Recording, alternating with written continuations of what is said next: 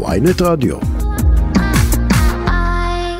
עכשיו אנחנו מתחילים, אומרים שלום לאלה רנטוס, הוא רואה חשבון מומחה לכלכלה בחברה הערבית, שלום אדוני. שלום וברכה. אתה יודע, אנחנו מדברים הרבה על הפשיעה במגזר הערבי, הרבה על הפשיעה בחברה הערבית. אבל אנחנו תוכנית כלכלית, ואנחנו רוצים לשאול, ברשותך אדוני, ובצורה ישירה ובלי פוליטיקלי קורקט, האם ה... ביזנס של החברה הישראלית בישראל, אולי בלית ברירה זה פשע. אה, תראה, אין ספק שהמכה והמציאות שעוברת החברה הערבית מזה מספר שנים עם ההשתלטות של ארגונים, ארגוני הפשיעה על חלקים גדולים מהכלכלה והחברה הישראלית ואפילו על חלק מהרשויות המקומיות לזה יש מחיר כבד, כבד מאוד, שאנחנו משלמים בתור חברה לא רק במחיר של הרוגים ונפגעים, אלא גם במחירים כלכליים כבדים, וזה מכל הבחינות. אני, אני הייתי למשל באחד הייתי גזבר עיריית נצרת, והייתי ראיתי במו עיניי איך כתוצאה מהשתלטות של ארגונים עוינים על, על מרכז העיר, על מקום שהיה תוסס במסעדות ובמקומות של תיירות ובילוי, בעלי מסעדות פשוט סגרו כי הם לא יכלו להתמודד עם, עם הנושא של התשלום בדמי חסות לארגוני הפשיעה ו, וגם מצד שני אה, מספיק אירוע אחד של ירי אה, במסעדה כזאת או אחרת או במקום בלוק אחר כדי לעצל את המקום הזה לגמרי, זאת אומרת היו אירועים במקומות, אירועים של ירי במקומות מסוימים והם חסלו עסקים שלמים תראה, הנושא הזה הוא התחיל להגיע כמעט לכל חלקה וחלקה. כי כלכלה בדרך כלל אוהבת, או משק אוהב רגעה, הוא סולד באווירה שיש בה יריות והשתלטות של ארגוני פשיעה, אין שום סיכוי שהכלכלה תצמח. וזה אנחנו רואים כל יום כן. באיפה שאתה רואה...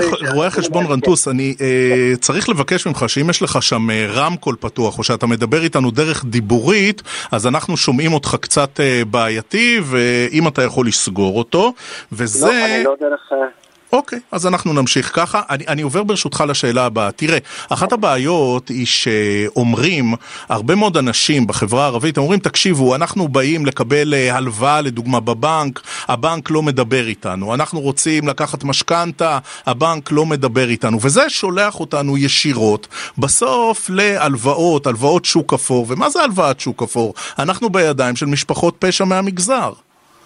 זו אחת הרעות החולות השניות שהתחלתי, רציתי לדבר, דיברתי על הפן העסקי, זה עכשיו הנושא, הנושא של כישלון שוק האשראי. בחברה הערבית אין כמעט שוק אשראי. הבנקים נותנים כסף לאלה שהם לא צריכים אותו למעשה, ואלה שצריכים את, ה, את ההלוואות, הבנקים לא סופרים אותם. יש בעיה של, שוק, של אה, הון שחור בכמויות גדולות בחברה הערבית, בעסקאות במזומן, ועסקים שמתקיימים על בסיס מזומן, ואלה למעשה הבנקים לא סופרים אותם, הבנקים מסתכלים על דוחות כספיים, מסתכלים על דוחות מע"מ, מסתכלים על כסף שנכנס בתור משכורת סדורה, אבל... רגע, אבל תעזור, תעזור לנו להבין, למה הבנקים לא מדברים איתם? כי הם לא יכולים להחזיר, הם לא מראים משכורת קבועה, אין נכון, להם... אה, זה נקודה, ברגע שאתה מסת, מסת, מסתמך בדרך כלל על מזומנים, ואין לך כניסות קבועות לבנק, אז זה מסכן, למעשה הבנק לא יכול להסתמך על יכולת ההחזר שלך, על כושר ההחזר שלך על מנת להעמיד לך אשראי. מה גם שבשוק המשכנתאות אז, אבל, אבל, אז מה, אבל אז מה הפתרון, רואה החשבון רנטוס? הבעיה היא לא אצל הבנקים, הם, uh, אתה יודע, שמרנים, להם יש נוהלי עבודה, וככה הם עובדים. איך אני פותר אז, את זה? אז אני אשלים את התמונה קודם. השוק השני שהוא, אה, שהוא בכישלון קולוסלי הוא נושא שוק, שוק המשכנתאות.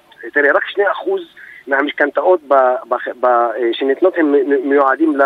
לחברה הערבית, שזה משהו שאבסורד, כי מרבית הקרקעות בחברה הערבית הן קרקעות פרטיות, ואין פרסלציה ואין אה, אה, אפשרות למשכן את הבית על מנת לקחת הלוואה, וה, ולבנקים אין היום פתרון להתמודד עם התופעה הזאת. עכשיו, גם בנושא של, של העסקים, אין לבנקים מספיק בטוחות על מנת לתת, גם זה בעיקר בגלל רגולציה קשוחה. אני מבין את, את הבנקים מצד מסוים, אבל הם, הם לא יכולים להתנהל תחת... ולתוך הלקונה הפיננסית הזו נכנסים ארגוני הפשיעה ופשוט נותנים מענה לצורך.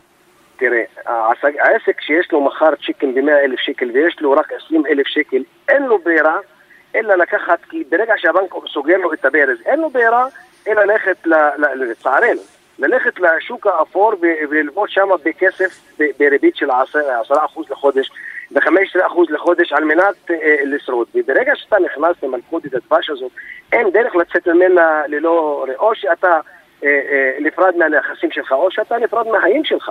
זאת לדעתי המציאות העצובה שהגענו אליה בשנים האחרונות, שארגוני הפשיעה הפכו להיות הבנק, הפכו להיות חברת הקבלן הגדולה במשק, הפכה להיות, הם השתלטו על עסקים גדולים, השתלטו על מסעדות, השתלטו על, על חנויות אופנה, השתלטו על כל מיני מקומות ושלא לדבר על איך מי שלא משתף פעולה איתם, שלו נשרף. אם אתה דורשים ממך... עד כמה, עד כמה לא ארגוני פשיעה השתלטו גם על, אה, נקרא לזה ארגונים מדינתיים, נגיד אה, שלטון מקומי, שמקבל מממשלת ישראל הרבה כסף, בטח אה, אחרי ההישגים המשמעותיים של רע"מ בהישגי תקציב בשנה האחרונה, כמה כסף טוב של משלמי מיסים בישראל מגיע דרך רשויות מקומיות ומכרזים תפורים לארגוני פשיעה?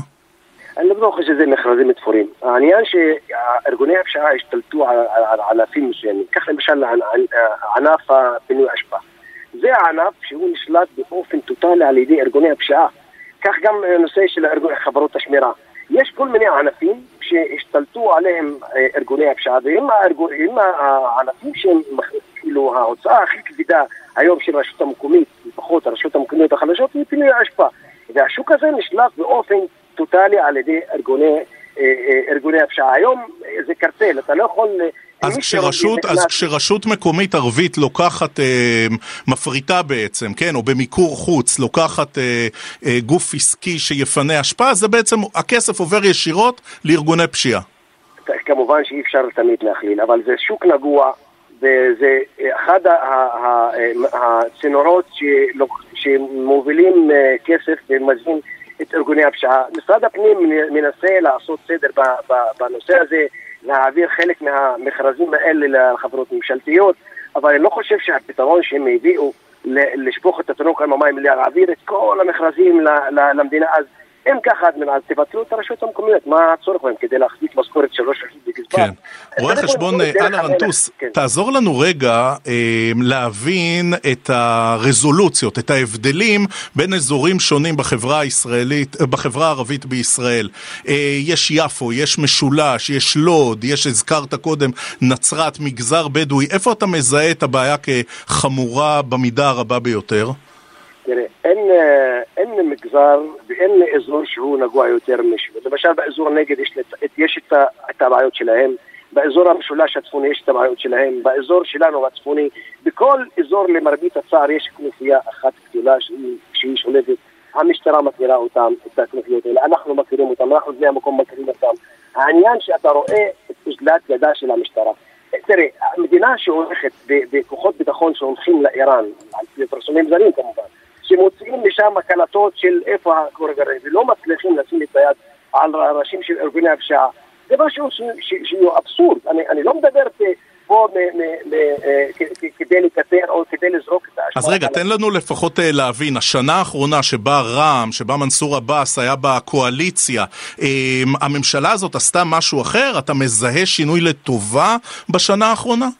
היה שינוי לטובה. ראינו בתחילת השנה 2022, ראינו שיש הת, אה, התעוררות אה, של כוחות הביטחון, התעוררות במספר המעצרים, והייתה איזושהי דעיכה מסוימת ברמת הנרצחים, אבל אתה רואה גם במחצית השנה השנייה, הכמויות חזרו להיות למה שהיו מקודם, אה, אפילו מעבר למה, למה שהיה. תראה, אני, אני תמיד לוקח את סכנין כמדד.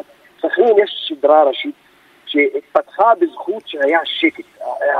העיר הזאת הייתה שקטה לאורך כל השנים. עד היום, תפסו אף אחד לא נרצח בסכנין. זו עיר גדולה יחסית למגזר, ויש שגרה כן. מסחרית. ברגע שאתה רואה כל יום, יש, לרבות אתמול בערב שנורו שניים ברחוב הראשי בסכנין, לא איזשהו ביזוי סדקה. ואתה רואה איך הארגונים כבר אין להם, אין להם גבולות, כאילו כל מקום מותר להם להיכנס, ואתה רואה את הלאה רנטוס, אני חייב, אני חייב לערב פה רגע איזה עניין פוליטי. הפירוק של הגוף הפוליטי, של הרשימה המשותפת, העובדה שירוצו שלוש מפלגות שונות, זה משנה בכלל? זה ישפיע בכלל על המאבק בפשיעה, גם בפשיעה הכלכלית במגזר הערבי? כמובן שיש לזה כל שתי, שתי אספקטים. האספקט הראשון שהשיח שמתפתח היום בין שלוש המפלגות הערביות לבינן לבין עצמם, זה כשלעצמו מגיע לכדי אלימות. בכלל ללא קשר לפשיעה, אבל זה אלימות מילולית ברשת, שאני מאמין שבסוף של דבר תגיע לאלימות הרבה מעבר במקומות מסוימים. אבל בכלל, כל המאבק של, ה, של החברה בנגע הזה, בנגע של האלימות, צריך להגיע אליו כי אנחנו מאוחדים, לא כי אנחנו משוסעים ולא ככל גוף בנפרד. כן. בטח, אני לא יודע מה יהיה גורלה של החלטה 549, שהיא החלטה למיגור הפשיעה והאלימות, כמה מתוכה ייושם ברגע שאין לך גוף בתוך הממשלה שמניע, ואם אנחנו נהיה, נחזור שם כולנו לספסל לאופוזיציה. אלוהים יודע איך זה ישפיע, איך המערכת הפוליטית תיתן, תיתן כאילו תשומת לב לנושא הזה. ותשים אותו בסדר העדיפויות שלנו. רואה החשבון אללה רנטוס, מומחה לכלכלה בחברה הערבית. תודה אדוני. תודה על השיחה, אנחנו השכלנו. תודה.